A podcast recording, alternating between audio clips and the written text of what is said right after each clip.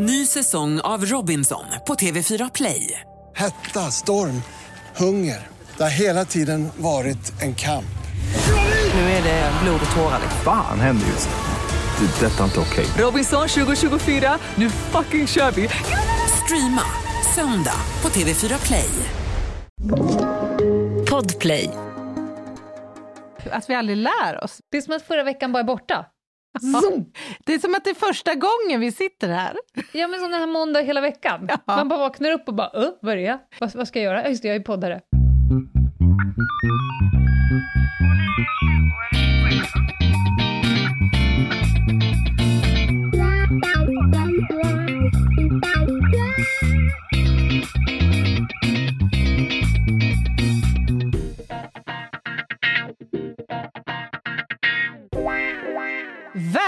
Välkomna kära lyssnare till krimpoddarnas krimpodd över min döda kropp med mig Anna Jinghede och Lena Ljungdahl.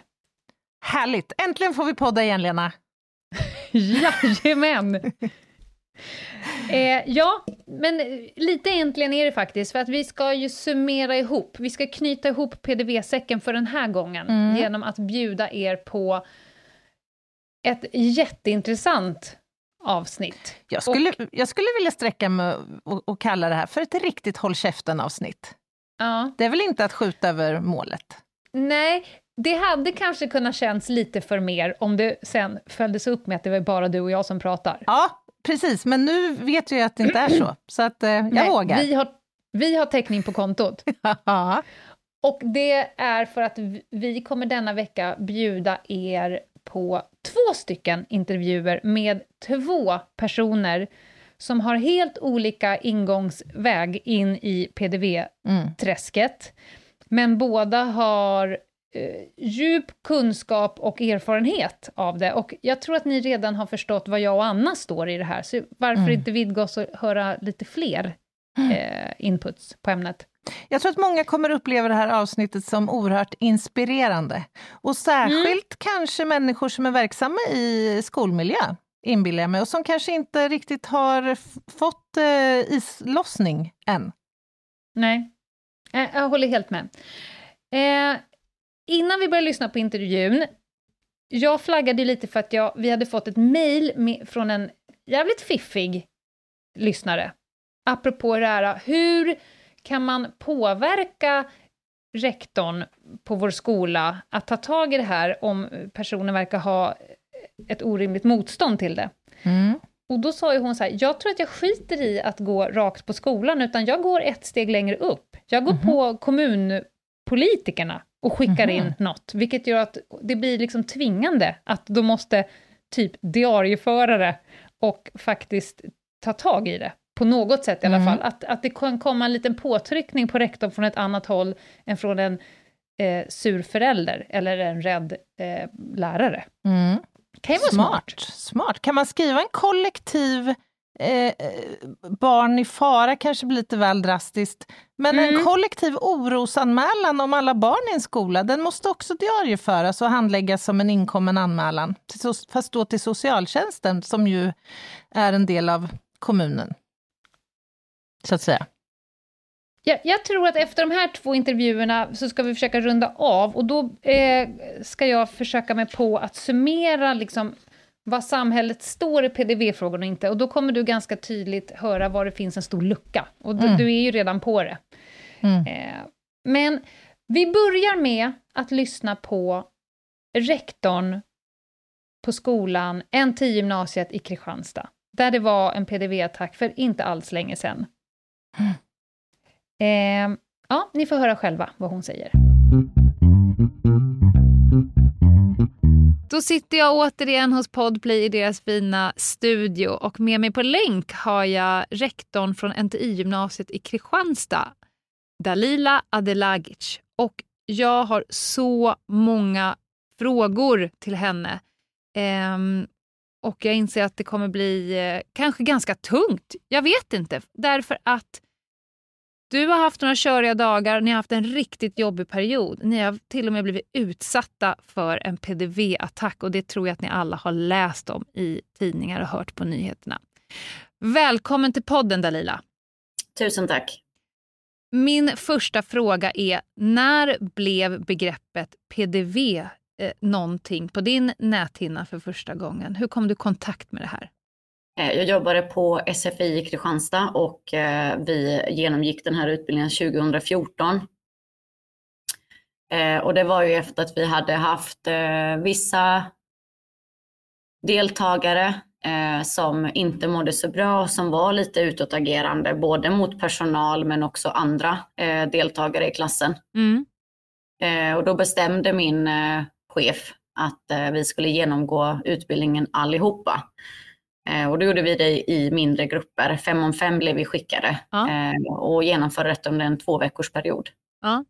Så det mm. var ju på förekommen anledning, det var ju på grund av någonting? Ja. Ja, mm. ja och vad, vad, tänkte du om det här då? Nej, jag tyckte det var jättegivande. Eh, väldigt eh, informativt och lärorikt. Eh, där man, fick ju, man fick ju till sig ganska många saker som man kanske inte hade tänkt på eh, på egen hand. Mm. bland annat hur ska man tänka om man vet att det är någon eh, som är i lokala i närheten? Eh, ska man liksom ta sig ut eller ska man stanna kvar? Och ska man larma eller är det, om någon annan har larmat, ska man larma själv ändå? Och sådär. Mm. Eh, så det var viktiga frågor som dök upp och gav väldigt mycket kött på benen. Mm. Var, var alla lika odelat positiva till utbildningen som du var? Nej, det fanns ju de som faktiskt inte var det. Mm. Eh, en del tyckte ju liksom att, men, när ska jag liksom, hinner man ens använda och tänka eh, så som utbildningen är upplagd? Eh, hinner man agera överhuvudtaget? Tänk så kommer, liksom, eh, kommer det som en överraskning och det gör det ju alltid. Mm. Eh, om man vet att det kommer komma en attack så kommer man antingen inte gå till jobbet eller så kommer man liksom stänga ner skolan. Mm. Eh, så, så det är ju, du kan ju aldrig förbereda dig för någonting som du inte vet kommer hända. Men har du, har du det liksom, som jag tänker att har man utbildningen med sig så har du åtminstone någonting som hjärnan kan liksom referera till. Mm. Uh, och självklart, det, det är ju det som liksom gör att man är lite mer på tårna, att man lite mer vet vad man faktiskt ska göra, även om allting inte blir till punkt och pricka. Mm. Ja, och det tror jag många människor köper. Att har du någonting att falla tillbaka på så är det faktiskt större eh, chans att du gör det än om du inte har något. Ja. Eh, sen kan vi aldrig garantera någonting. Jaha, eh, och nu jobbar du som rektor på NT-gymnasiet. Hur har du mm. tagit dig an PDV där?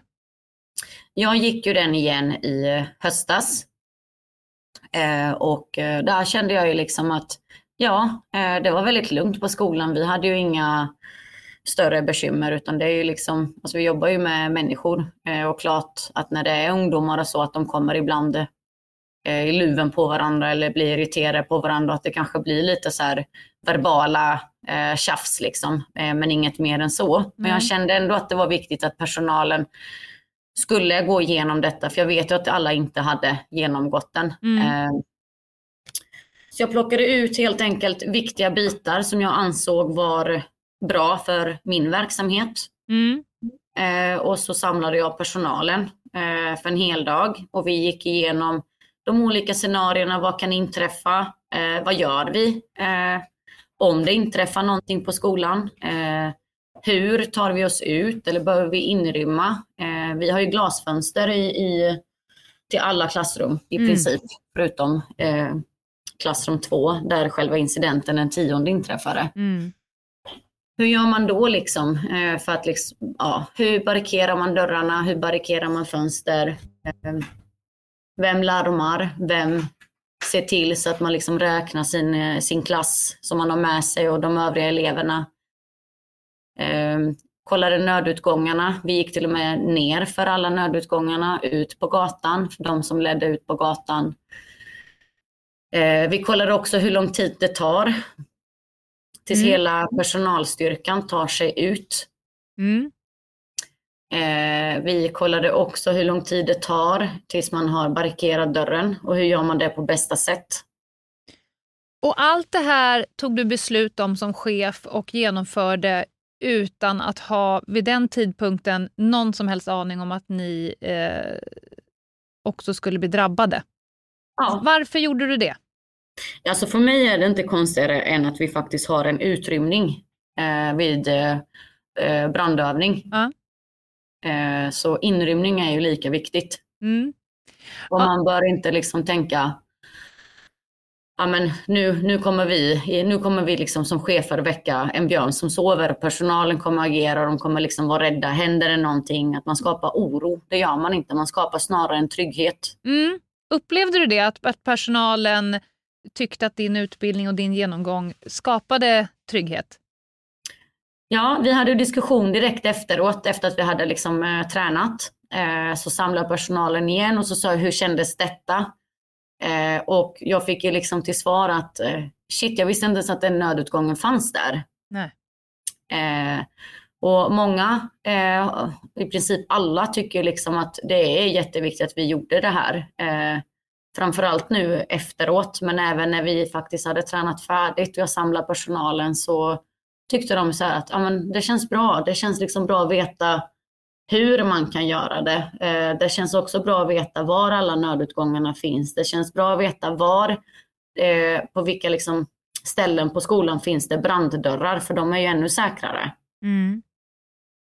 Så man måste ju känna till skolan. Det är ju inte bara att veta var klassrummen finns Nej. eh, och var ens arbetsplats, Nej, var man liksom sitter när man, Men man jobbar. har ju en, en förmåga att alltid röra sig åt samma håll och man går till sina vanliga vägar och sådär. Men Ja. om någonting skulle hända så eh, kan man ju nyttja sin eh, vidgade kunskap. Eh, såklart. Definitivt. Ser du att, Absolut. att den här typen av utbildningen, eh, den är såklart riktad till lite worst case scenario. Men ser Mm. du att ni kan utnyttja den typen av utbildning i ett vardagliga, alltså det som kanske mer sannolikt är eh, komplexa situationer? Ja, eh, i förra veckan så hade vi ju en incident där en eh, elev blev misshandlad i anslutning till skolan. Mm. Eh, och eh, vi gjorde en Alltså inte en. PDV-attack utan något Ja, helt annat. Ja, Ja. men precis. Mm. Eh, exakt. Och då gjorde vi en inrymning igen. Och det här har ju varit lite av eh, min käpphäst att förklara. Det finns i princip en bra anledning att utrymma en byggnad och det är om det brinner i den. Mm. Men man kan måla upp hundra olika scenarion till varför man behöver söka skydd i en byggnad som faktiskt både elever och personal känner sig bekväm med och som Mm. man hittar oftast rätt bra där. Mm. Ja, men och sen är det ju så fruktansvärt att ni också eh, blev ganska nyligen utsatta för en PDV-attack.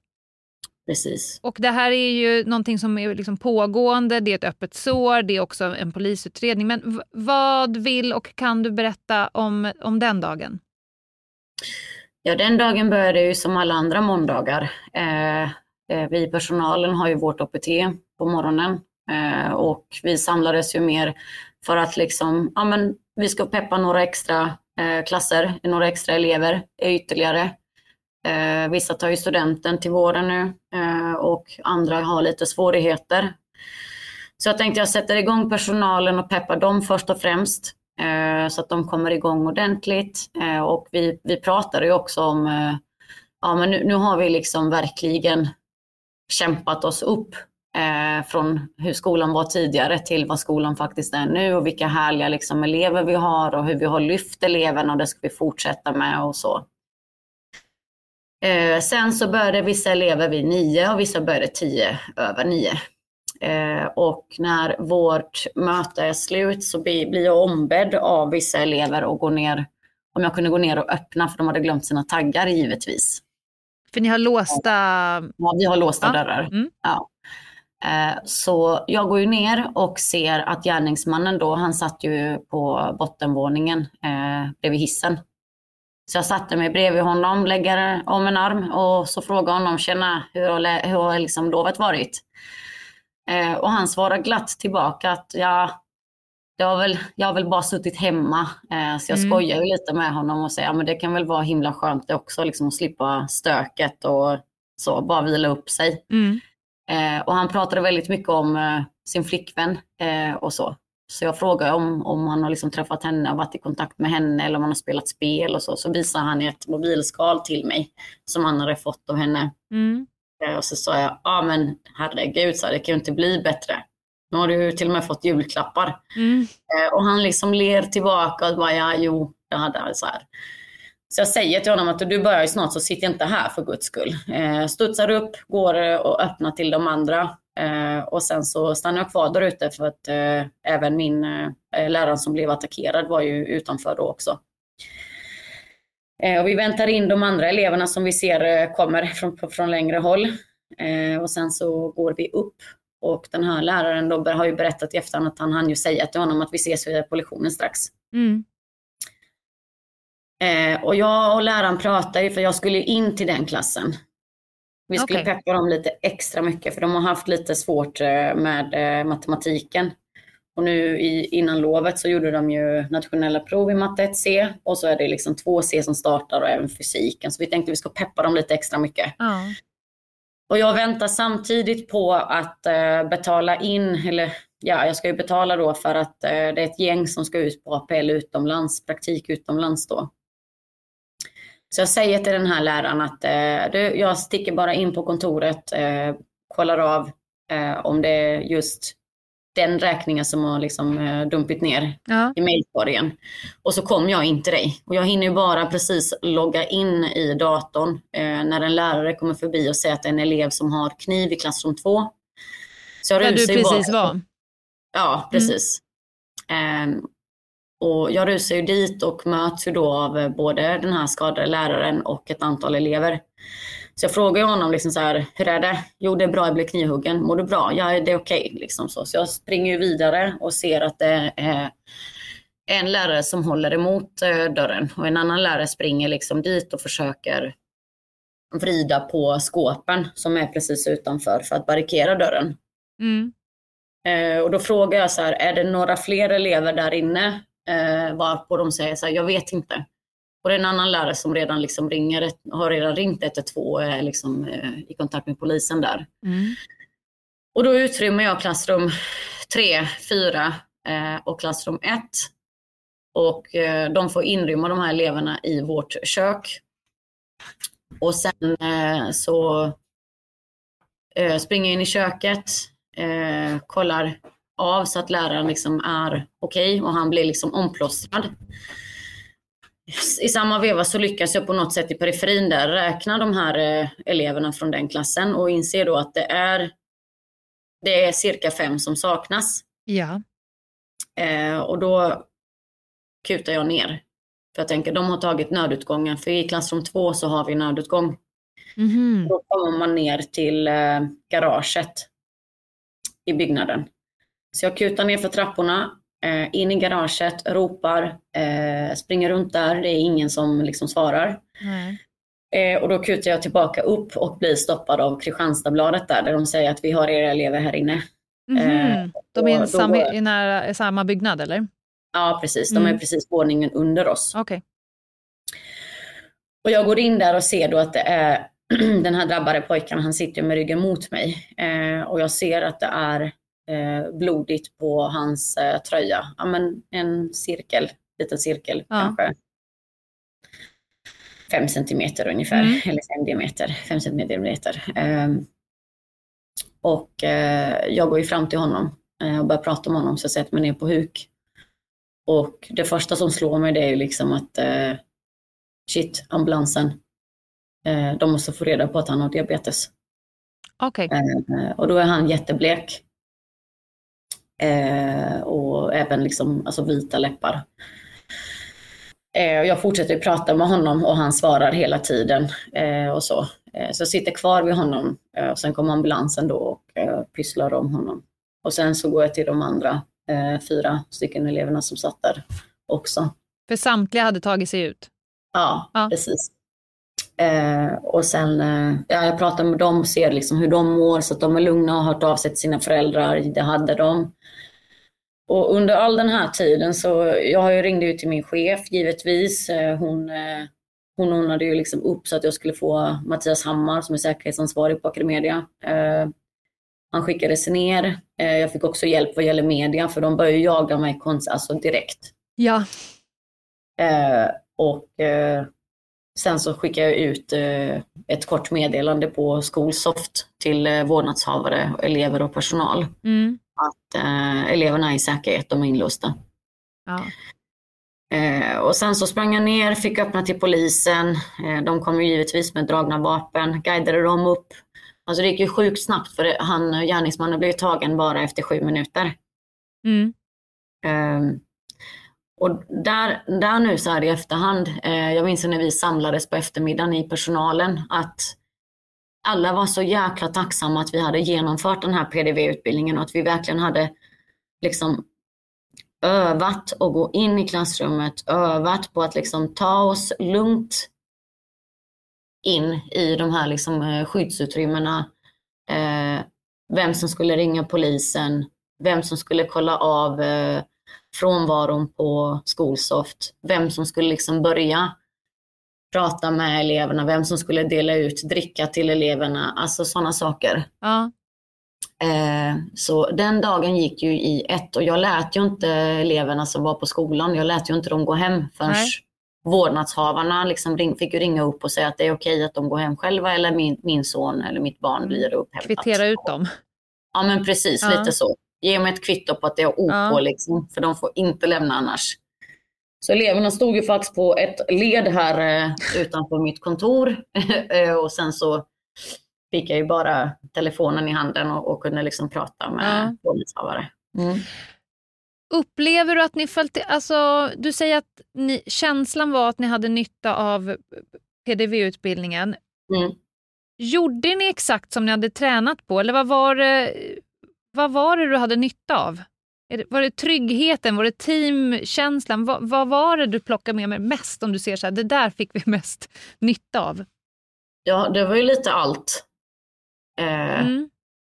av det du nämnde. Men eh, framför allt att vi liksom hade koll på var, var vi hade våra nödutgångar och var vi kunde inrymma alla elever. Så alla får plats på samma ställe så att vi inte delar på oss.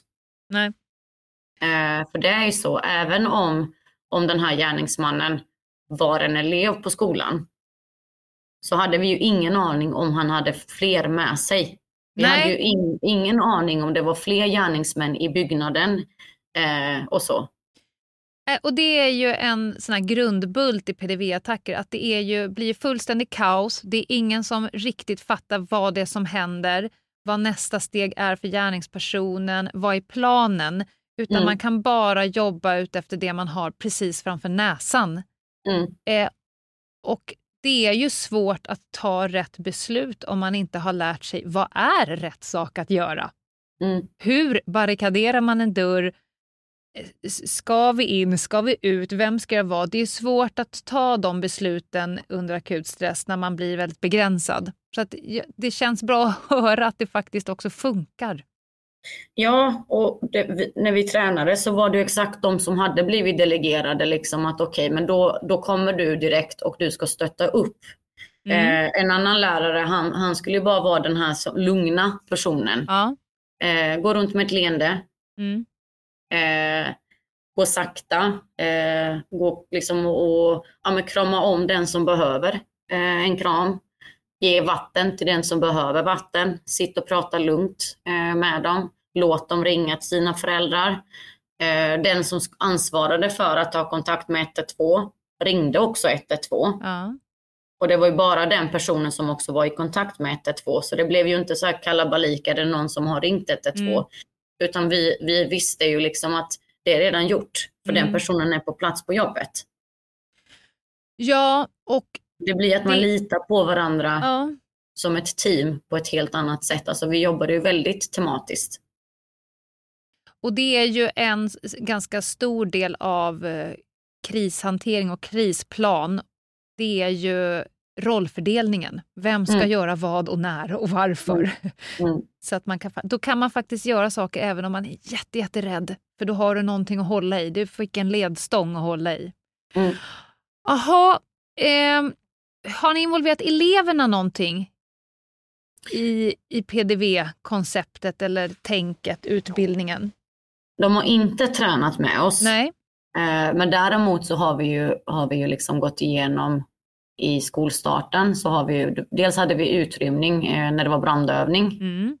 eh, och sen samlar man alla eleverna och så pratar man liksom kring det här att när ni hör att larmet går, även om det är en träning, så är det viktigt att man liksom gör det man ska, för man vet ju aldrig när det inte är en träning. Eh, och händer det något annat, att det är kanske, ja men låt säga att det är en explosion utanför skolan eller att det är liksom eh, ett stort slagsmål, då ska ju inte ni ut utan då ska vi liksom säkerställa att det är så många som möjligt som är kvar på skolan. Är det slagsmål i skolan, då ska ni inte heller ut från era klassrum till exempel. Då ska ni liksom låsa in er, eh, sätta någonting framför dörren, helst några bord så att man inte liksom Mm. kan rucka på dörren. Eh, och så sitter ni kvar där. Eh, och ni har ju alltid, det är alltid liksom en lärare i klassrummet. Vi har Mm. inga lärarlösa lektioner. Och läraren har det ansvaret att det är läraren som ringer 112. Det är läraren som beslutar när eleverna får lämna Mm. eh, klassrummet. Eh, och vi lärare, vi har ju en gemensam chatt. Ja. Eh, så där har vi ju bestämt då att eh, lägger man liksom så här en röd bubbla, eh, man kan skicka en röd bubbla, Ja. då är det att man ska vara kvar. Och sen så kan jag ju skicka en grön bubbla. Och det här har ni bestämt i förväg utifall att bestämt nå- i förväg. ja. Ja. Oavsett vilken typ av situation så har ni en kommunikationsväg mellan er som ni vet vad betyder. Vad säger du till dem som, som eh, är oroliga för att eh, det traumatiserar elever om man pratar med dem om att det kan hända allvarliga saker i skolbyggnaden? Hur tänker du kring det? Jag tänker så här. Om, om man tänker att man kommer traumatisera sina elever och sin personal eh, av att prata PDV och faktiskt utbilda dem och prata om faror som kan hända. Då har vi ju mer eller mindre format pyromaner i vårt samhälle. Ja, För att vi, vi tränar ju på utrymning, brandövningar och det gör man ju konstant. Grundskolan, där har du från förskoleklass ja. Eh, du har ju från förskolan, alltså småttingar, ettåringar lär sig att gå ner för brandstege. Mm. Varför gör vi det då? Kommer inte de bli skadade av detta? Blir inte de rädda?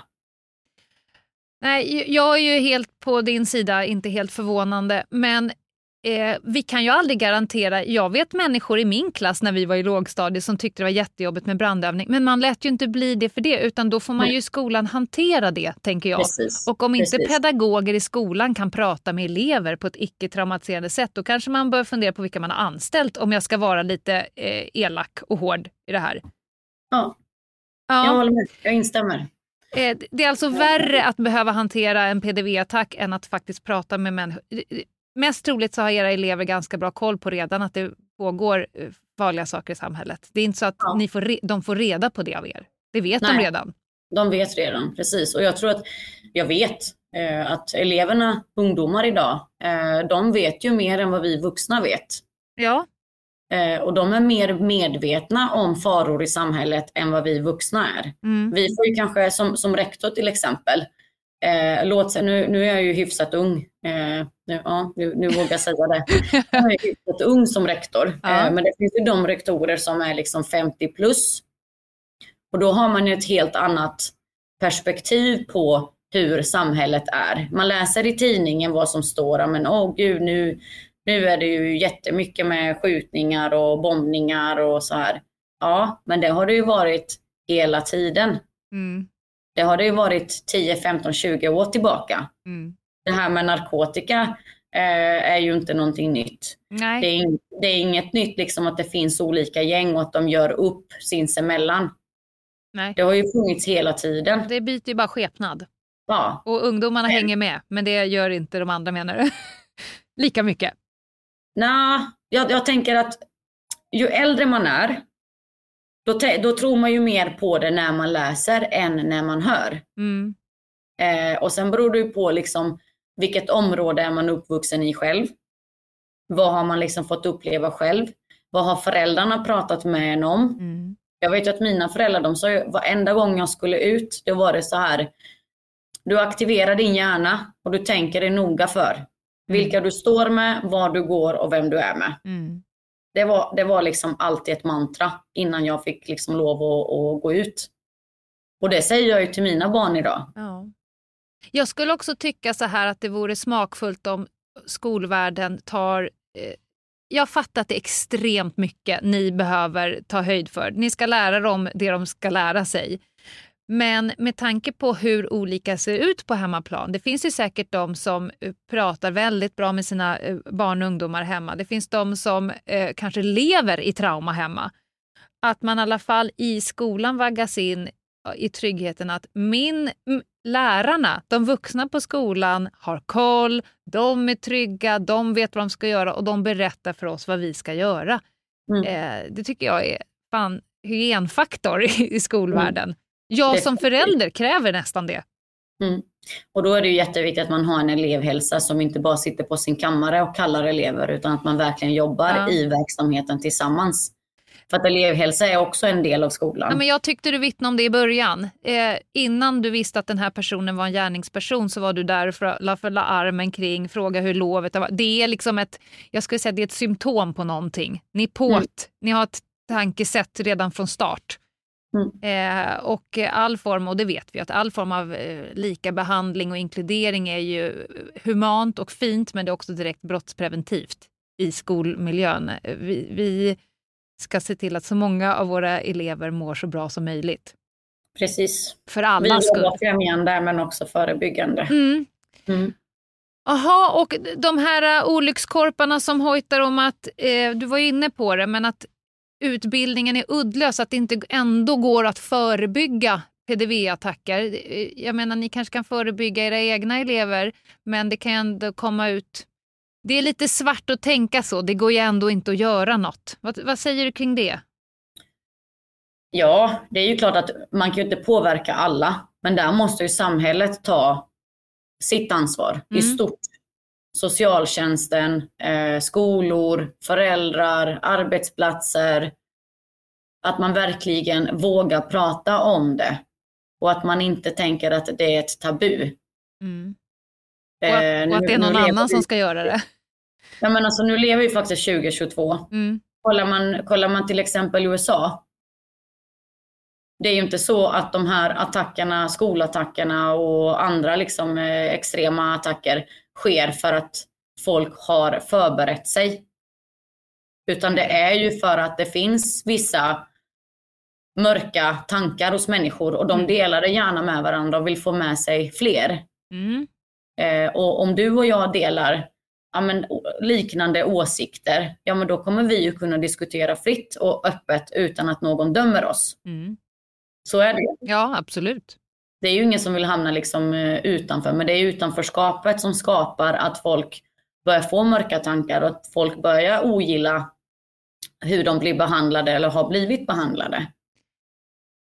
Ja, och jag tror att det ena utesluter inte andra. Samhället måste i stort eh, minska utanförskap och exkludering men samtidigt kan man också faktiskt förbereda sig för vad man ska göra om det ändå händer. För att vi kan inte pinpointa varenda person. Vi vill inte ha ett sånt samhälle. Nej, det kan man ju inte göra. Jaha, och vad tror du om eh, framtiden då? Skolvärlden och kopplat till eh, skolattacker och PDV? Hur tror du att det ser ut i Sverige om några år? Jag tror inte att det kommer bli som ett USA som många tänker att ja, men nu, om, om, folk, om skolor börjar genomgå de här PDV-utbildningarna och man börjar prata om och man är liksom så förberedd så kommer det vara fler som kommer vilja testa. Nej, så är det absolut inte. För då hade vi haft i princip alla, alla skolor i brand. Ja, men då hade alla skolor brunnit ner nu. Ja. ja. ja. Eh, sen kan man ju aldrig säga att ah, men det här kommer inte upprepas igen. Nej. Det vet man aldrig. Det kan upprepas igen. Det kan upprepas igen på våran skola, ja. gud förbjude. Det kan upprepas på någon annan skola, gud mm. förbjude. Mm. Alltså det, det, man vet inte. Det kan lika gärna hända på en buss. Det kan hända på ett köpcenter, en restaurang. Ja. Mm. Man vet inte. Men det är bra att vara liksom förberedd. Och det tycker jag är en ganska eh, tydlig känsla i rummet när man har haft en PDV-utbildning. Alltså kunskapen du nu bär med dig i din skola, absolut, då har ni alla samma. Där ni, har ni ju riktigt bra skydd.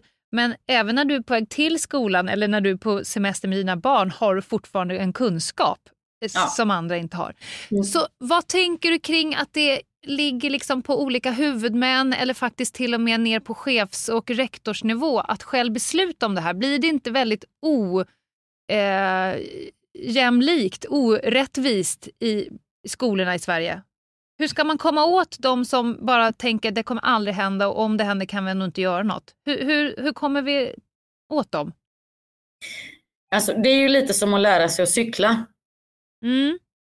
Har jag inte tränat på hur jag ska cykla så kommer jag aldrig kunna cykla bra. Då Nej. finns det alltid en risk att jag trillar. Ja. Ja. Och på samma sätt är det med att förbereda sig inför en sån här attack. Mm. Att genomgå en PDV-utbildning. Mm. Vi vet inte om vi blir utsatta för det. Men vi har i alla fall kunskapen och har förberett oss lite i alla fall på hur vi kan hantera detta och hur vi sen kan gå vidare med det. Och för min del så, ja, varenda gång man ska resa någonstans så kollar man ju upp hur hotellen ser ut och man kollar lite vad man ska käka och sådär, vad det finns liksom för aktiviteter och, och sevärdheter. Mm. Man skaffar sig information innan man går någonstans för att man ska veta var man ska ta vägen. Mm. Och det är inget konstigare med en PDV-utbildning. Jag är ju lite inne på så här, eftersom det i vissa kommuner tar man eh, koncernbeslut eller kommunbeslut att alla ska ha och i vissa kommuner lägger man det på varje rektor. Vad tror du om att få den här informationen och den här mentala delen redan typ på rektorsutbildningarna? Det hade väl varit jättebra. Jag är lite inne på, för att jag tror, jag tror inte att det finns rektorer som sitter ute och tänker så här, aha, det där låter jättebra. Nej, det vill jag inte ge min personal. Jag vill aktivt ta ett beslut som går emot. Jag tror att det kanske ligger på eh, förståelse, eh, mental liksom, mogenhet kring att eh, närma sig saker som är läskiga utan att själv rygga tillbaka och att man behöver kliva på det tidigt. För att, hur ser du på din roll som chef i det här? Alltså, som chef så har du det stora övergripande ansvaret. Mm. Eh, och man kan som chef inte tänka att amen, kommunen eller skolchefen eller koncernen ska komma liksom och säga till mig att amen, det här borde du göra för att liksom, det är en säkerhetsfråga. Nej. Jag, jag är ju ansvarig för arbetsmiljön för både elever och personalen på skolan. Mm. Då ska jag ju inte få tillåtelse av någon att genomgå en utbildning som faktiskt säkrar och tryggar våran arbetsmiljö. Nej. Då ska jag kunna ta det beslutet själv. Man måste vara öppen och man måste, vara, man måste kunna våga. Mm, det finns ett mod i det hela. Det måste det finnas för att jag kan inte tänka som chef, ja men vad händer om jag liksom får eh, tre i min personal eh, emot mig som, som kommer liksom eh, tänka att, men vadå, fin, finns det liksom Finns det någonting som jag behöver oroa mig över eller att de blir rädda eller att de liksom börjar prata Eller att de ifrågasätter. Ja. ja men herregud, ja. Eh, ma- man får inte vara rädd för det. Nej. Du är chef och då är det du som bestämmer för allting för att säkerställa så att arbetsmiljön på din arbetsplats, på dina medarbetares arbetsplats och eleverna, att det är säkrat. Mm. ja. Hur mår ni nu? Hur mår din arbetsplats nu? Jag skulle vilja säga att det mår faktiskt bra. Mm, vad kul. Ja. Eh, vi pratar ju fortfarande med framförallt den drabbade klassen men också övriga elever och jag kan säga att de är så trötta på att vi Fråga. frågar hur känns det nu? Ja. Det har gått liksom en tid, har du tänkt vidare på detta? Ja. Eh, sen förstår jag ju också att alla reagerar olika och det kan ju ta vissa, för vissa kan ta längre tid än Mm. andra. Eh, och det har vi också märkt, men då hanterar vi det. Eh, och jag, det, för mig är det otroligt viktigt att alla eleverna känner att de har trygga vuxna och då är det inte att du har en trygg vuxen eh, som mentor till exempel, utan att man kan vända sig till vilken lärare eller personal som helst på skolan. Mm. Ja, och det är ju en del av det dagliga arbetet. Ja, Att se till att skaffa den eh, klimatet och den eh, kulturen. ja. Mm. Sen har vi ju diskuterat i olika ämnen, till exempel eh, när eleverna har på svenskan argumentation och när man har eh, i samhällskunskapen, hur ser samhället ut idag och hur de känner kring det här med Eh, det som skedde på våran skola kontra liksom de andra eh, skolorna som har blivit drabbade eh, runt om i Sverige. Eh, vi har också diskuterat, eh, som det har stått i tidningar, då har vi faktiskt tagit de eh, tidningsurklippen, annonserna och diskuterat dem i klassrummet för att det stod ju bland annat om att den gärningsmannen från våran skola eh, kände eh, Eslövkillen. Ja. Eh, så då har vi diskuterat det i klassrummen Mm. fritt, öppet. Alla fick uttrycka och säga precis hur de kände, tyckte. Mm. Ja, eh, nyhetsflödet erbjuder ju ganska många diskussionsunderlag. Så att man Mm. behöver inte ta det som en blixt från klarblå himmel utan man kan faktiskt väva in det här i undervisningen Mm. och eh, liksom prata om det som ändå är on top of mind eh, Mm. för eleverna. Och jag är helt trygg med att skolpersonal kan bedöma eh, nivå av mognad och vilket pedagogiskt grepp man ska angripa det här ämnet på. Eh, det ska man inte ens behöva fråga från en skola, tycker jag. Hur, liksom, för det vet man ju bäst själv. hur man ska. Däremot så tror jag på att man ska ta lite kanske centrala beslut om hur ska vi som skola, alltså utifrån chefens syn på det hela, så att inte Mm. varje klass får olika budskap och information. Nej, precis. Och därför har vi valt bara att eh, göra det i två ämnen där det är en och samma lärare som undervisar. Ja, snyggt. Mm. Eh, Jag är superimponerad. Eh, både av dig som chef, jag är imponerad över eh, hur mycket ni hade gjort innan och ert dagliga arbete, men också hur ni faktiskt har tagit er förbi och ur det hela eh, på ett väldigt proffsigt sätt. Så all cred for you och till er koncern. Ni är ju en del av Academedia, eh, en till Ja. gymnasiet. Precis.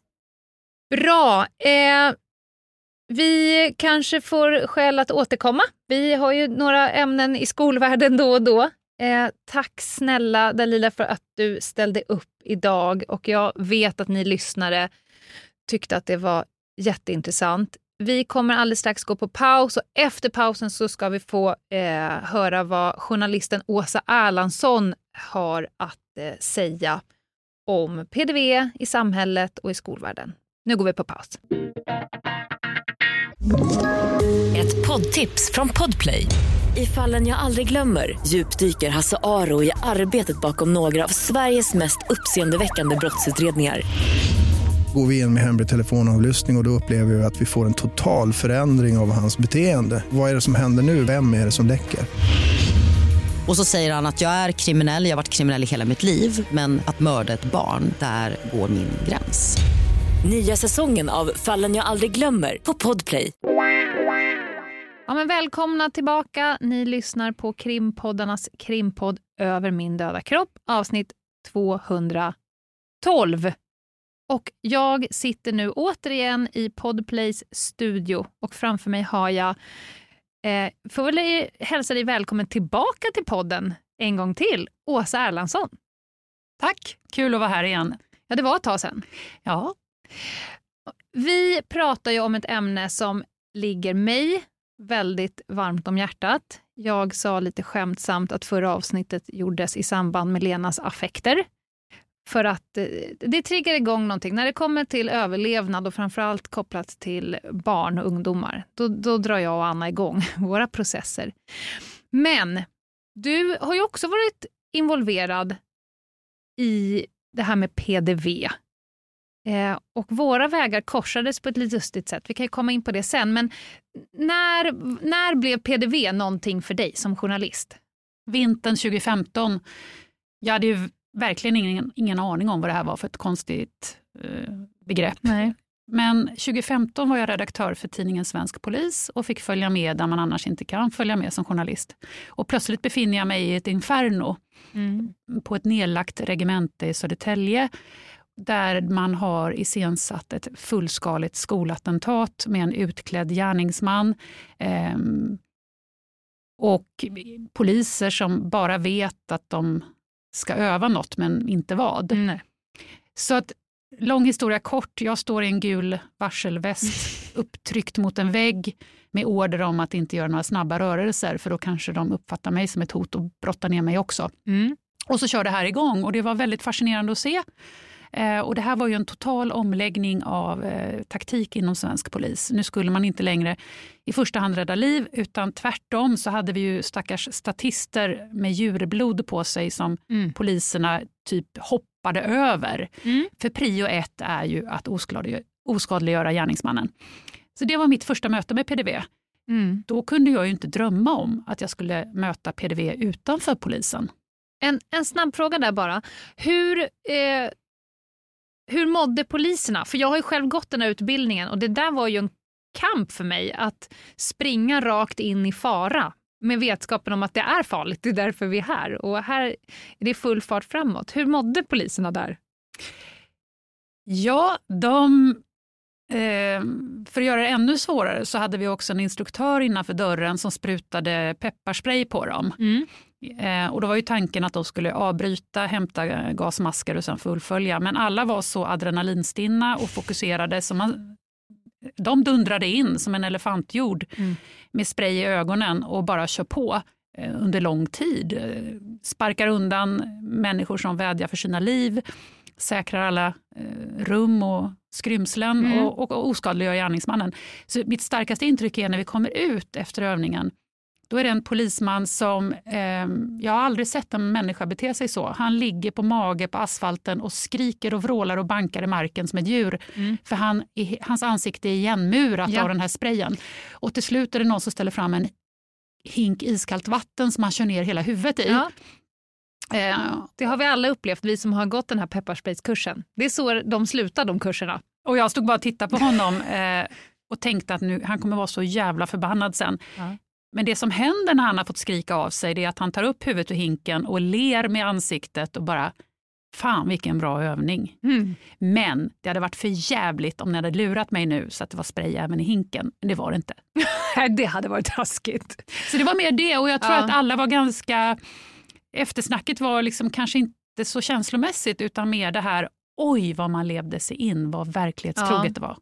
Och det har vi varit inne på podden flera gånger, att hjärnan kan ju inte riktigt skilja på övning och verklighet och det är därför det är bra att öva. Mm. För att man får vara där med, med sinne och, och, och liksom ta till sig alltihopa. Men det här var 2015. Och sen då? Sen kommer skolattacken i Trollhättan oktober 2015 Mm. och eh, jag skriver en bok om den, detta skolattentat. Och så är det inte så mycket mer med PDVn förrän... Men vi ska också säga att du vann Stora journalistpriset för den här boken och den är faktiskt otrolig. Var du tvungen att säga faktiskt? Nej men alltså, du, jag tyckte du svepte förbi den för fort. Jaha. Låt oss inte... Eh, och varför jag vet det är ju, jag har ju använt mig av den boken. Och det är det jag håller på utan att veta om, eh, utan att känna dig. Då berättar du att jag vet vem du är Åsa, vi använder din bok om skolattacken i utbildningar. Va, säger jag. Ja, i PDV-utbildningar för skolpersonal i Stockholms stad. Och jag hade då ingen aning om dels att boken användes, vilket är ju bra att den kommer till användning. Men jag hade heller ingen aning om att det som var ett strikt polisiärt begrepp nu hade Mm. stöpts om i civil form och att lärare och rektorer sprang runt i korridorer och fick lära sig att fly, barrikadera sig Mm. och i värsta fall slåss. Ja, och då är vi inne på någonting. För att jag ska säga så här, jag var också ganska tidig med det här. Började ju redan 2015 och då var det mer att övertala eh, Stockholms stad i första fall, men skolor generellt, om att det finns bra saker att göra. För att dels stilla den här otryggheten och den mörka känslan att det skulle kunna hända. Eh, men också att det finns liksom vettiga saker att ta till om det skulle hända. Till nu när de har full koll på det, när utbildningen lever i högsta grad eh, men att den lever på grund av att det efterfrågas hela tiden. Och det har ju hänt lite saker nu på senare tid som gör att eh, det, ja, men det aktualiseras ju gång efter annan. Det gör ju det. Och jag är fortfarande ute och föreläser, Mm. framförallt på skolor. Så det här kommer ju upp varenda gång. Men jag vill flika in en, en tredje hållpunkt i mitt liv med PDV och det är 2019. För då hör plötsligt Riksidrottsförbundet av sig och vill att jag ska följa med dem på en landsomfattande turné ihop med polisen och Myndigheten för samhällsskydd och beredskap. Och jag fattar ingenting.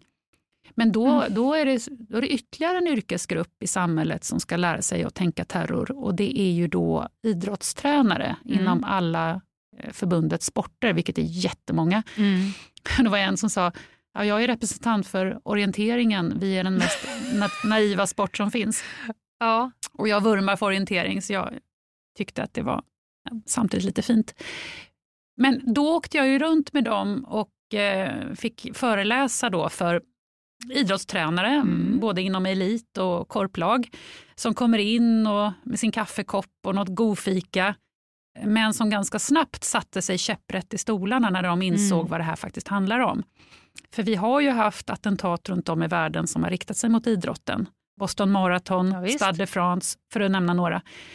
Och jag märkte verkligen hur oförberedd man var att ens tänka på det här. Att ska jag som tränare, jag ska inte, ens, jag ska inte bara fundera på vems trunk som ligger slängd på arenan, jag ska fundera på vad som är i den. Mm. Och vad jag ska göra om den smäller. Mm. Mm.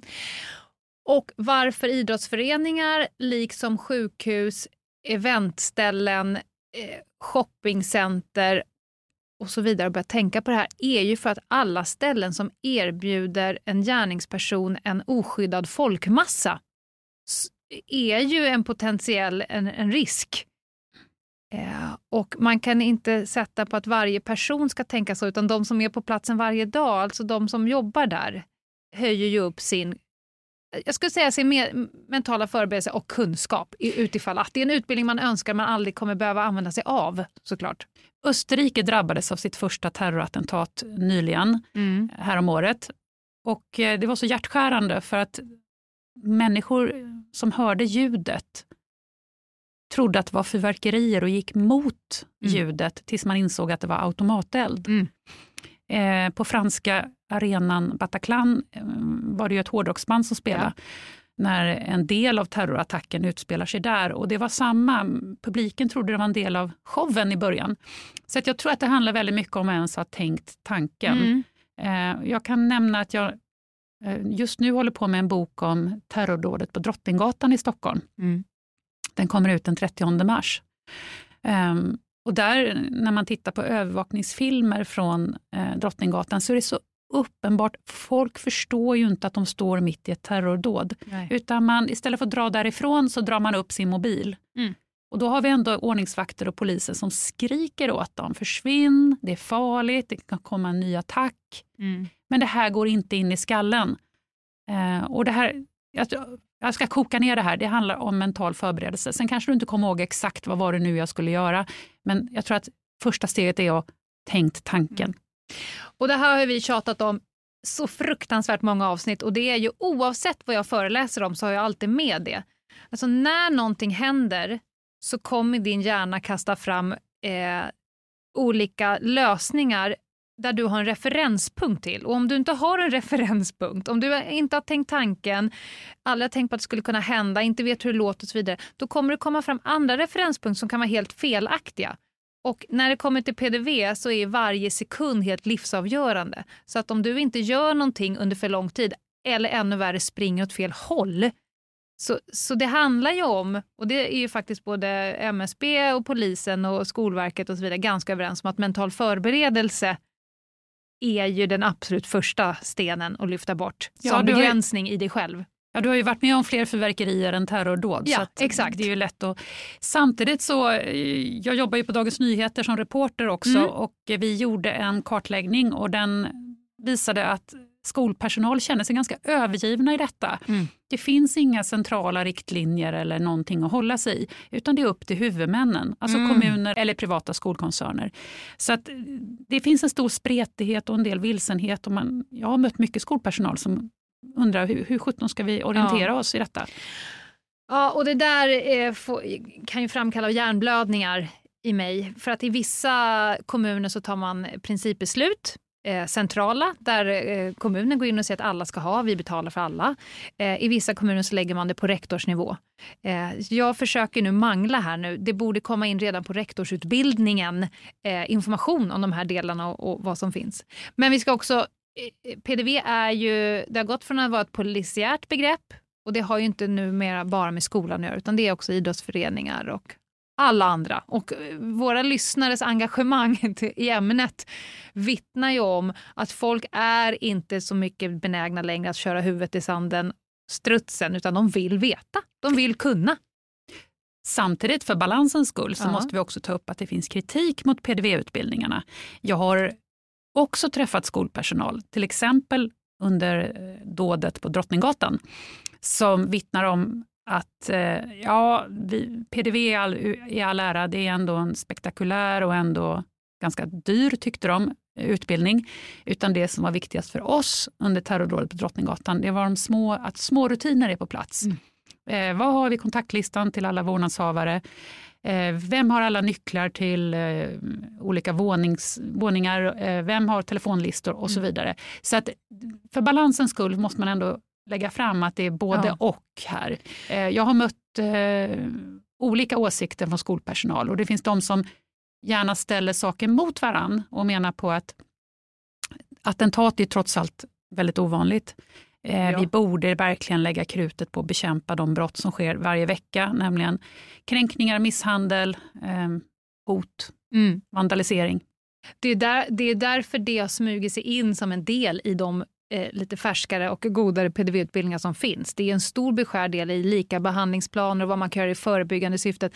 Men också, precis som du säger, det är fantastiskt hur i slutet av en PDV-utbildningsdag har suttit någon, för det brukar delas ut en sån uppgift, med just det, ja, om det skulle hända, då kommer vi vara hjälpta av och då kommer de här kontaktlistorna, att jag vet vad mina nycklar går till, att låset på dörren som har varit trasigt i ett halvår är lagat, att bommen på skolgården är, är låst. Alltså sådana där små saker som man kan fixa till i vardagen som faktiskt inte kommer hjälpa, kommer inte bara hjälpa en PDV-attack i det vardagliga. Vid den klassiska gänguppgörelsen där någon beväpnad man ska springa in på skolan och ta skydd. Det är lika läskigt för en skola. Ja, men samhällets eh, the shift, skulle jag säga, medvetenhet från att inte vilja tänka det, aldrig talas om det, till att det är någonting. Eh, ser, ser du någon nackdel med det? Att, att man vet om hur farlig världen faktiskt kan vara, även om det är extremt osannolikt. Det där har jag grubblat mycket på. Ja. Och jag tror att det är värst för människor i vår ålder. För vi går igenom ett skifte från att vi gick i skolan och inte tänkte på det alls. Mm. Till att vi ska börja ställa om. Eh, när jag jobbade med boken om Drottninggatan så pratade jag med lärare i Kalifornien.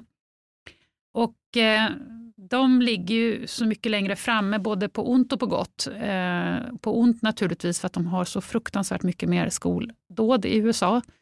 Eh, men på gott så, alltså där tränar man ju barn redan i förskoleåldern. Mm. Jag pratade med en förskolepedagog som berättar vad Code Silver är.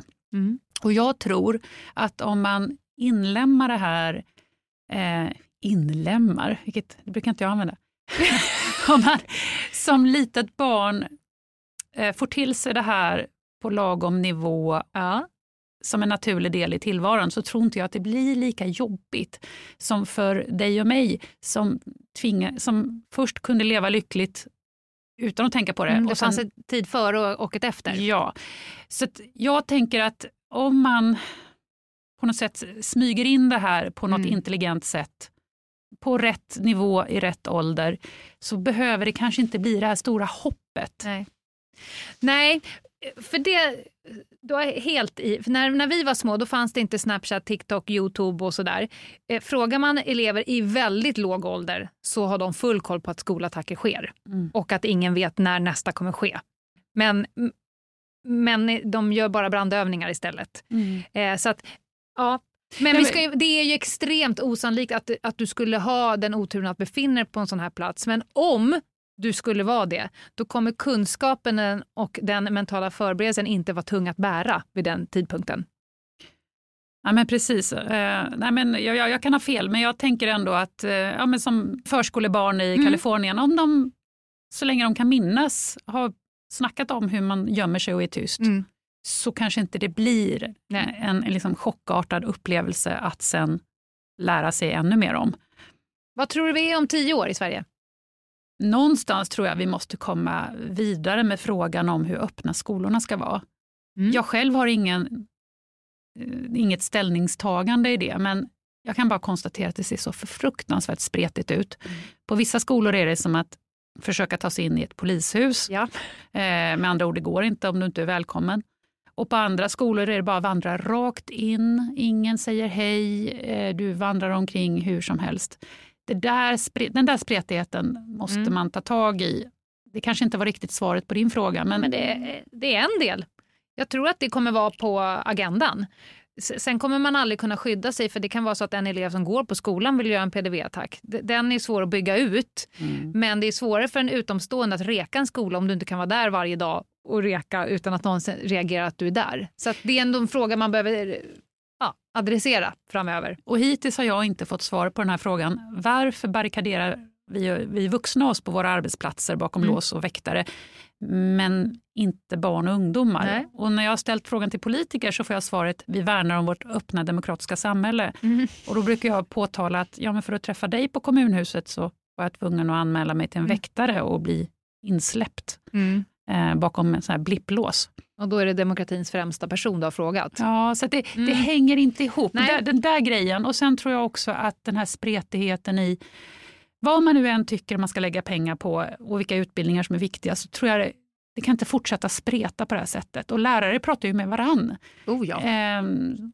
och då är det någon på en mindre skola i en mindre stad som snackar med kollegan i Stockholm som har gått det här. Och det är klart att det väcker frågor och oro och funderingar. Så att, Jag skulle säga att eh, när det kommer till PDV, att köpa, eh, det här är ju verkligen att köpa grisen i säcken.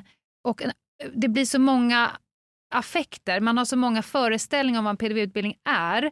Så den vanligaste tycker jag är att de har pratat med någon i den närliggande skolan och så fått till sig, jaha, det var något helt annat än vad vi trodde. Nu förstår vi ju. Eh, och då måste man prata med någon likasinnad som kan säga eh, alltså vad vinsten är av det hela. För det är ju en kostnad också. Jaha, och vad din framtid då, Åsa? En bok sa du, 30 mars. Då kommer boken Terrordådet på Drottninggatan. Mm. Eh, baserad på ett omfattande fältarbete. Sist jag räknade hade jag 120 intervjupersoner. Det kommer jag ju inte mangla ner eh, läsarna med. Nej. Men det är, det, är för, det är i alla fall så många som har bidragit och jag är så ödmjuk och tacksam för det har varit många tunga samtal också Ja. som river upp känslor och tankar. Ehm, så det kommer vi göra och eh, det finns ju verkligen en röd tråd mellan Drottninggatan och både andra dåd i Sverige och utomlands. Så jag tar gärna tillfället i akt att säga några ord om det. Mm. Jag reagerar väldigt starkt när folk avfärdar de här personerna som ensamma galningar och man kallar det felaktigt för vansinnesdåd. Det ska man ha väldigt klart för sig att de här attackerna är välplanerade. Gärningsmannen är inte alls psykotisk eller reagerar i affekt och kommer på samma morgon att nu ska jag gå till attack. Utan han vet precis vad han gör. Och i fallet med Drottninggatan säger Rakhmat Akilov, som fick livstid för det här, Mm. han sa klart och tydligt i förhör att mitt mål var att döda så många som möjligt. Och man skulle nästan kunna rita ett kopplingsschema mellan eh, en mängd stora uppmärksammade attentat, hur de hänger ihop. Mm. Den mest uppmärksammade skolskjutningen var på Columbine High School i USA 1999. Och det, den attacken hade Anton Lundin Pettersson i Trollhättan studerat när han Mm. utförde sitt skoldåd. Är det lite av ett copycat-brott? Ja. Mm. Och han hade också studerat norske Anders Behring Breivik. Eh, och sen kan vi dra en linje till andra sidan jordklotet, för på Nya Zeeland så gick Brenton Tarrant till attack Mm. mot moskéer. Och han hänvisar tillbaka till Anton Lundin Pettersson i Trollhättan och påstod sig också felaktigt hämnas ett av offren på Drottninggatan, nämligen 11-åriga Ebba Åkerlund. Och sen nu i höstas Mm. så har vi skolattacken i Eslöv som en 15-åring dömdes för. Han hade studerat Trollhättan, Columbine High School, Breivik, Nya Zeeland och påstod sig också, naturligtvis felaktigt, att han skulle hämnas 11-åriga Ebba. Och sen Mm. nu i januari så går 15-åringens kompis i Kristianstad, en 16-åring, till attack mot sin skola. Mm. Och de delade samma fascination för skolskjutningar, vapen eh, och högerextrema idéer. Så att man kan verkligen sammanfatta det med att det ofta rör sig om unga eh, män, inte alltid, men förhållandevis unga män som lever ganska ensamma, isolerade liv, men att de verkligen inte är ensamma på nätet, utan tvärtom ingår de i en internationell community där mm. man kopierar varann, peppar varann, hetsar varann, uppmanar varann. Ja, och att det är utstuderat, det är välplanerat. Jag brukar under utbildningen säga att det är nästan regisserat som en film. Vad ska mm. på mig? Vad jag ska säga? Vad jag ska lyssna på? Eh, inspirerat av andra, kanske lika samma. Eh, vad jag ska kliva in? Hur ska jag göra? När ska jag avsluta det? Det är en slags gamifiering ja. av, av eh, attentat. Det är väldigt tydligt i Nya Zeeland när den ja. gärningsmannen livesände. Och när man ser den här fruktansvärda filmen så är det nästan som en sån här ja, de här avancerade first shooter-spelen. Ja. Mm. Samma vinkel, samma kommentarer, ja. samma rörelser. Ja. Um, och det, jag brukar säga att det här är en ganska nar eller en väldigt narcissistisk form av eh, attentat. För gärningsmännen eh, känner sig ofta förbittrade och sidosatta. Ingen har lyssnat på dem, tycker de nu banne mig så ska de göra avtryck, mm. nu banne mig ska hela världen se och höra. Och de tar selfies, de regisserar sina uniformer, sina frisyrer, sina konton på sociala medier som de vet att vi journalister kommer kasta oss över. Mm. Det, är, det är väldigt utstuderat på så många plan. Ja, och det här är ju ett superintressant ämne och vi kommer framöver, inte direkt efter det här, men vi kommer framöver ha ett helt avsnitt om den här så kallade radikaliseringsprocessen. Hur man kan gå från det ena till att kliva in på en skola med fullt fokus på att skada och döda så många som möjligt. Vad är det som händer? Kanske att du gör entré till oss en tredje gång då, som vår sån här husexpert blir du. Ja, men jag det kliar i mig att redan nu börja prata om ja, radikaliseringsprocessens ja. fyra steg. Men jag kanske ska hålla mig lite då. Ja, men vi bestämmer väl helt enkelt att när vi har det avsnittet då kommer du in så kommer vi ta oss igenom att det här jag är inne på att samla på oförrätter och isolera sig och så vidare. Ja, vi kommer till det. Ni hör ju, det är hur intressant som helst. Men för nu så får vi tacka dig Åsa Erlandsson. Vem ska läsa din bok? Jag fick veta det igår. Ja? Ehm, Katarina Evelöv. Ja, fantastisk röst. Verkligen. Ja, och den är varm. Jag tror att det kan behövas på temat. Varm och djup och förtroendeingivande. Ja. Och sen är hon tydligen en av eh, de mest eh, populära ja. Eh, läsarna. Men det är faktiskt många, för vi har ju gått ut och frågat vem ska läsa in vår bok. Då har vi fått Katarina Ewerlöf som förslag av väldigt många. Mm. Ja. Eh, 30 mars kommer den ut. Ja. Den ska vi läsa. Eh, det kommer vara tungt och eh, nyttigt och viktigt. Ja, mm. Jag hoppas det. Den, eh, det är så mycket som inte är berättat om Drottninggatan. Ja. Än. Än ja. Mm. Vad fint att du sätter ord på det då. Tack snälla Åsa, vi ses snart igen. Tack.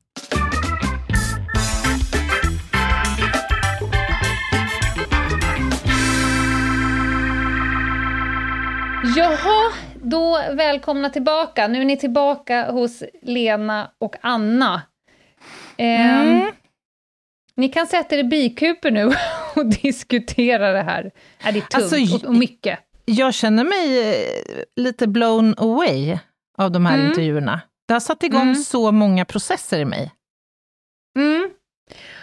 Och vi kan nog konstatera att det pågår ju samtal där ute i, i landet och det pågår arbeten, det kan jag själv vittna om, för att jag har bara den här veckan varit i möte med polisen, jag har suttit i samverkansgrupper där man diskuterar tillsammans med kommunerna och Säpo och allt det andra för att täppa till de hålen som finns. Men vi kan konstatera, får, man, får jag ge ett försök att dela upp en PDV-attack i fyra faser? Absolut. Det finns en förefas. Och förefasen är precis där alla skolor befinner sig nu. Det vill säga, mm. det finns ingenting som tyder på att ni skulle bli utvalda, just er verksamhet. Mm. Men ni befinner er ändå i någon form av vakuum att det skulle eventuellt, om ni har riktigt jävla otur, hända. Mm. mm. Så nu befinner ni er i en förefas, och där jobbar man ju då med mental förberedelse om det skulle hända. Man jobbar upp sina rutiner, man pratar igenom om vi ska utbilda oss, om vi ska ha någon taktik. Man mm. till skalskyddet och man försöker skapa en trygg och säker lärarkår. Och man bygger samverkan Mm. För när skiten slår i fläkten, då kan man inte börja bygga samverkan, utan Just det är det. nu. Det är nu ni börjar prata med kommuner, Mm. eh, lokala polisen, eh, grannskolan, vägg i vägg, badhuset som ni har under er eller över er, eller Mm. hur det nu är. Det är fas ett. Och där tror jag att många skolor skulle behöva göra ett ordentligt tag. Så känner jag. Mm. Mm.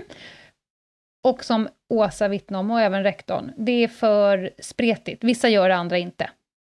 Ja, men det, det förefaller ju vara så att vissa är ju på tårna.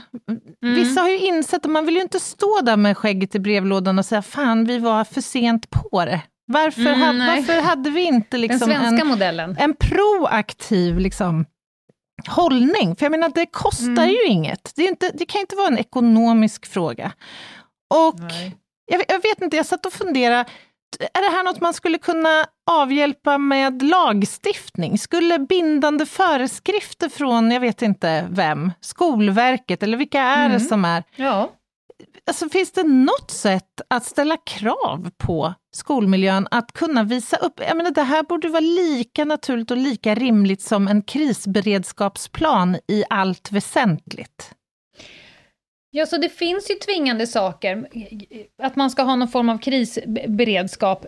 Eh, Skolorna har ju kommit långt i att ha lika behandlingsplan, Ja. att det ska finnas en, en skolhälsovård och så vidare. Jag tror att om du bara spolar fram bandet så Mm. tror jag att skolorna kommer tvingas hålla på med hot och Aktivt, våldsutbildningar. ja. Och alltså, för att om svaret blir om det går att göra någonting, Mm. det är ju jättemodigt att säga nej, det ska vi inte göra.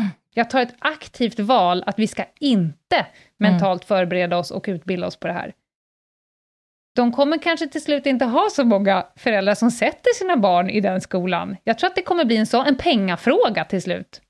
Ja, för jag- jag, sitter, jag kan inte låta bli att jämföra lite grann med allt som har passerat i frågan om våld. Och om man jämför då med hälso och sjukvårdens uppenbara uppgift i, i frågan om, om våldsutsatthet, så har det tagit många, många år innan man nu då, nu finns det föreskrifter som är tvingande och som säger att du måste ha, du måste kunna visa att du i ditt kvalitetsledningssystem bedriver ett aktivt arbete för att förebygga våld bland människor ni träffar, men också att upptäcka och identifiera offer för våld. Och det har ju Mm. gjort stor skillnad, men det har ju tagit så många år Mm. liksom, innan man har nått det. Så jag tror det är lite som du är inne på, att om vi spolar fram tio år i tiden så kanske det faktiskt kommer se annorlunda ut. Alltså förändring tar ju tyvärr tid, men Mm. eh, längs tiden går så kommer vi ha fler PDV-attacker. Mm. Så är det. Det, det, det kan vi vara ganska säkra på. Mm. Det var i alla fall det första fasen och där krävs ju ett arbete och, och både du och jag och Åsa och rektorn, alla är ju inne på att det ska, måste ju vara mer likvärt över, överlag. Att det får inte ligga på en huvudman eller en, en rektor eller en chef. Sen nästa fas, jag kallar den för rödflaggsfasen. Det är inte Mm. alltid man är i den fasen. Men det kan vara så att eh, skolan själva rödflaggar, alltså när varningssignalerna tjuter på en elev. Mm. Antingen att den personen har uttryckt någonting, att jag skulle vilja, jag drömmer om det här, eller att person, man bara plockar upp det. Mm. Eller att det kommer in ett tips, när skolan blir meddelad att ni har en elev på er skola som har sagt det här på nätet, då hamnar vi liksom i rödflaggsfasen. Mm. Där pågår ett jättearbete nu, för att det är rätt tunt. I vissa kommuner finns det enormt uppstyrda samverkansnivåer, där SOS vet vad de ska göra, polisen vet vad de ska göra, kommunen vet vad de ska göra, och skolan vet vad de ska göra. Mm. Men jag skulle säga generellt så är rödflaggsfasen, de vet inte vad de ska göra. Nej. De vet inte, rollfördelningen är överhuvudtaget inte klar. De vet inte ens vad de har mandat till att göra. Eh, Nej, men jag tänker att det inte ens givet eh, som rektor i en sån situation att veta vem ska jag kontakta? Är det här något för socialtjänsten, är det något för polisen, Mm. är det något för Säpo, är det något för någon annan? Mm. Och då vet ju jag ärenden när man har valt att göra på det ena sättet och på det andra sättet. Mm. Eh, för att det finns ju ganska många PDV-attacker som har blivit avbrutna, som inte Mm. kommer liksom till medias kännedom. Just det. På grund av att någon har gjort något, någon som har agerat på en magkänsla. Och sen har vi då själva underfasen. Det är extremt få skolor som kommer bli utsatta, men underfasen är ju när en PDV-attack sker. Och det kan faktiskt vara så att det kommer en underfas utan att man har ens fått, fått vara med om en rödflaggsfas. Det, det. det går från en vanlig dag på jobbet, när du lär ut Pythagoras sats, till att någon står och hugger någon med kniv. Mm. Eh, och underfasen, eh, då öser man bara ur det man har. Ur den mentala förberedelsen man har, ur den kunskapen man har, ur de rutinerna man har, ur eh, dagsformen man har. Det, det är alldeles för sent att börja lära sig någonting i en underfas. Precis, och den övning Ja. man har. Ja. Och sen så tar ju en, eh, en PDV-attack slut, oftast inom en kvart faktiskt. Mm. Eh, då går man ju över i en efterfas, där det är enorma resurser, apropå vad kostar. Mm. Stödresurser för alla elever inblandade, föräldrar ska informeras och det ska kommuniceras, personal, det är sjukvård, det är poliskontakt, SOS-kontakt, det är information, det ska utvärderas, man ska hantera alla blommor som kommer till plats. Alltså det är en sån enorm apparat efter en PDV-attack. Och då skulle jag vilja säga att underfasen blir lättare om du har gjort en gedigen förefas. Det du kan göra här idag, när ingen är stressad, alla är trygga, ni tycker om varandra. Eh, rödflaggsfasen är också enormt mycket lättare om du har jobbat upp en bra samverkan. Bra och efterfasen kommer du få hjälp med, ska jag säga också. Mm. Det finns enorma resurser i samhället för en efterfas. Och där är det väldigt sällan bråttom också. Det är Precis. nämligen efter. Ja, Mm. så att det, men jag säger så här, det pågår.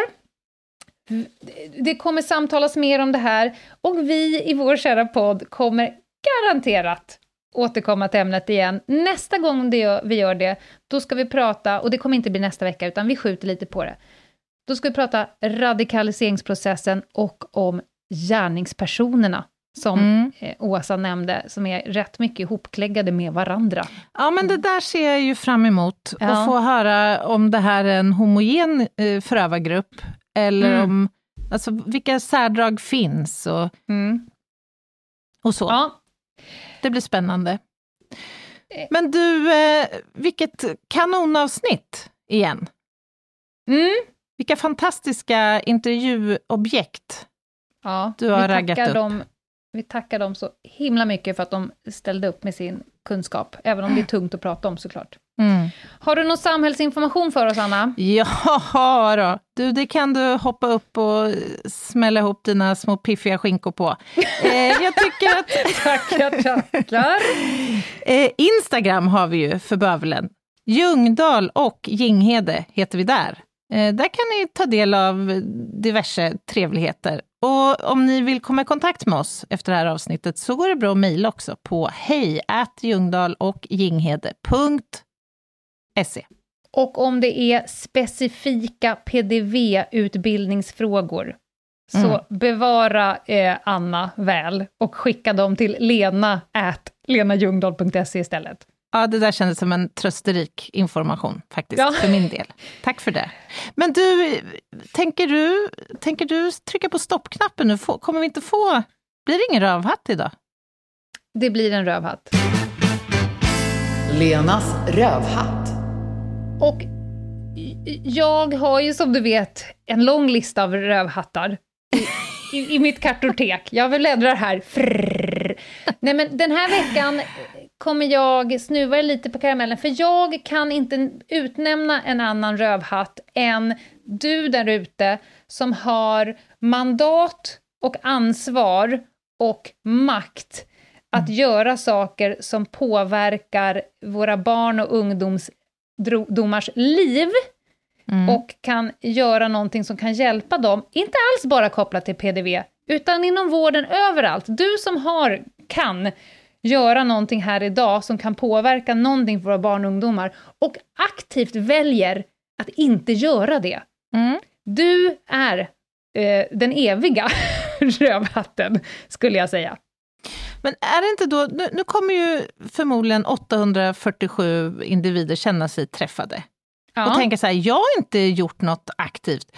Och då kommer ju direkt försvarstalet komma. Och det kommer ju låta Ja. ungefär så här, jag har inte mandat att, jag har inga Nej. resurser att, mina, våra politiker tycker inte det här ska satsas på. Mm. Är det förmildrande? Eh, Förmildrande omständigheter. Jag skulle säga så här att vi gör ju aktiva val varje dag. Man kan alltid slå knut på sig själv lite till. Men några av er sitter i liksom direkt chefsposition och har ett gäng undersåtar Mm. under dig.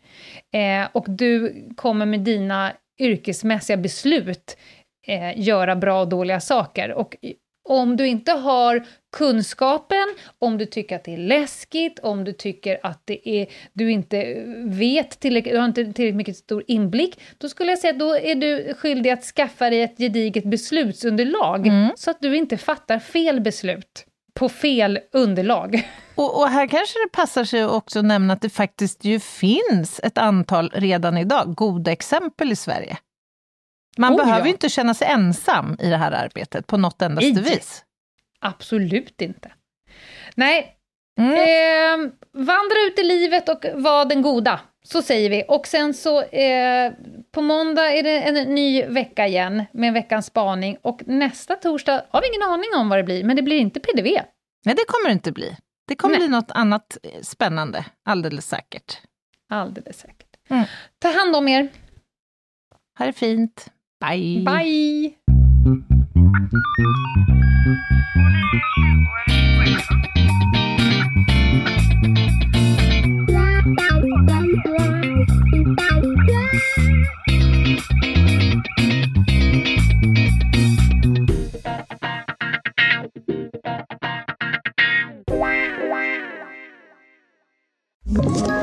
Ett poddtips från Podplay.